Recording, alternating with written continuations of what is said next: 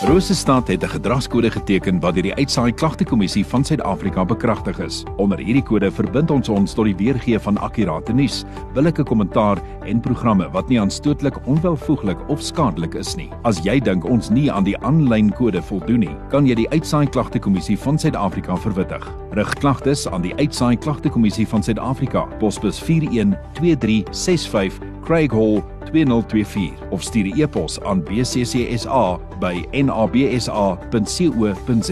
Vir verdere inligting, besoek www.bccsa.co.za. 27 minute voor diens, maar altyd lekker om haar te verwelkom hier in die ateljee. Chantel Wiesner, sy is 'n maatskaplike werker van Solidariteit Helpende Hand se Vrystaatstreek. Chantel, goeiemôre, welkom. Dankie vir jou tyd vanoggend weer. Môre Gerda, baie dankie. Nou, Chantel, vertel vir ons, uh waarmee is Helpende Hand tans besig? Gerda, ons maatskaplike werkers is sedert 2022 besig om 'n gemeenskapsprofiel op te stel om te bepaal watter uitdagings daar in die gemeenskap is. Hierdie profiel bevat ook inligting oor reeds bestaande hulpbronne in die gemeenskap en help ons om te bepaal watter projekte in gemeenskappe uitgerol moet word. In die Vrystaat het ons bevind dat middelmisbruik, tekort aan fondse om kinders in 'n kleuterskool in te skryf, boeliegedrag en eensaamheid onder uitdagings is wat voorkom.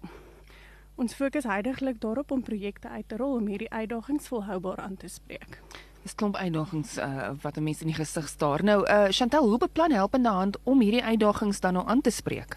Gerard, dit is vir ons belangrik om goeie netwerkverhoudings te bou sodat ons verwysings effektief kan plaasvind en ons hulpbronne aan gemeenskappe kan mobiliseer. Daarom het ek en ons streeksorganiseerder Kobus Venter verskeie rehabilitasiesentrums besoek en gaan uitvind hoe die verskillende sentrums se opnameproses werk, die koste daaraan verbonde en of daar buite pasiëntprogramme beskikbaar is. Nou ons on, ons is in 'n tyd waar finansiële uitdagings baie hoog is. Nou eh, Chantel, hoe spreek dit dan hierdie tekort aan fondse om aan om kleuterskool toe te gaan? Ons vrywilliger takke is tans besig met 'n slimboks projek waar daar meestal van herwinbare materiaal gebruik gemaak word om ontwikkelingsaktiwiteite wat ouderdomstoepaslik is aan ouers te voorsien wat nie kan bekostig om hulle kinders in die kleuterskool in te skryf nie. Ons het baie navorsing gedoen, ons het insette gekry van onderwysers en arbeidsterapeute oor watter aktiwiteite op watter ouderdom voltooi moet kan word. En sodoende gee ons vir 'n behoeftige kind die geleentheid om saam met sy maats weg te spring wanneer hy of sy graad R toe gaan. Ongelooflike werk wat julle doen. Ek gesels met Chantel Wiesner, sy is 'n maatskaplike werker van Solidariteit Helpende Hand, die Vrystaatstreek. En soos sy net nou genoem het, Een van die uitdagings is ook boeliegedrag. Nou Chantel, ons lees ook gereeld oor kinders wat slagoffers is dan van boeliegedrag. En hoe beplan julle om daging aan te spreek?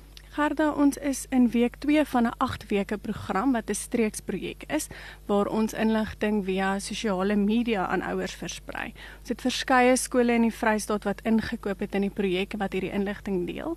Dan beplan ons ook 'n webinar vir onderwysers wat sal fokus op die inligting wat in die teenboelie gids van Afriforum is en dan gaan ons ook met die onderwysers bespreek watse moontlike oplossings kan ons saam aandink om boeliegedrag aan te spreek. En uh, het helpende hand enige projekte in plek om 'n uh, eh, nog 'n uitdaging, die eensaamheid onder bejaardes aan te spreek? Ja, Gerda, ons is baie opgewonde. Ons beplan 'n opleidingssessie vir persone om betrokke te raak by ons kuier klets en kilie die spiere program wat vir bejaardes aangebied word en hierdie program fokus daarop persone aan die beweeg te kry om sosiale interaksie te bevorder en sodoende spreek ons dan ook eensaamheid aan. Nou Chantal, as daar iemand is uh, wat nou luister wat graag betrokke wil raak by enige van hierdie projekte het, het sy om te help om om kinders kleuterskool toe te kry of eh, te help met boeliegedrag om dit te stop of dan nou die eensaamheid onder bejaardes of dan net oor die algemeen uh, inligting nodig het van van solidariteit helpende hand. Waar kan hierdie mense julle in die hande kry? Ja, Gerard, ek glo daar's verskeie projekte waarby persone kan betrokke raak en ek glo daar's vir almal 'n plek om hulle hand op te steek en hulle hand te gee om 'n verskil te maak. So luisteraars is welkom om my te skakel of om net 'n WhatsApp boodskap te stuur by 076 984 9598 of hulle kan vir my e-pos stuur by chantel@helpendehand.co.za. Kontak vir Chantel vandag. Daardie nommer 076 984 9598 of dan 'n e-pos soos sy gesê het Chantel, jy spel dit C H A N T E L L by helpendehand.co.za. Chantal, altyd lekker om jou hier te hê en te hoor wat 'n ongelooflike werk julle doen daar by Solidariteit Helpende Hand se Vrystaat streek. Ons gesels weer en groete vir Kobus. Dankie Gerda.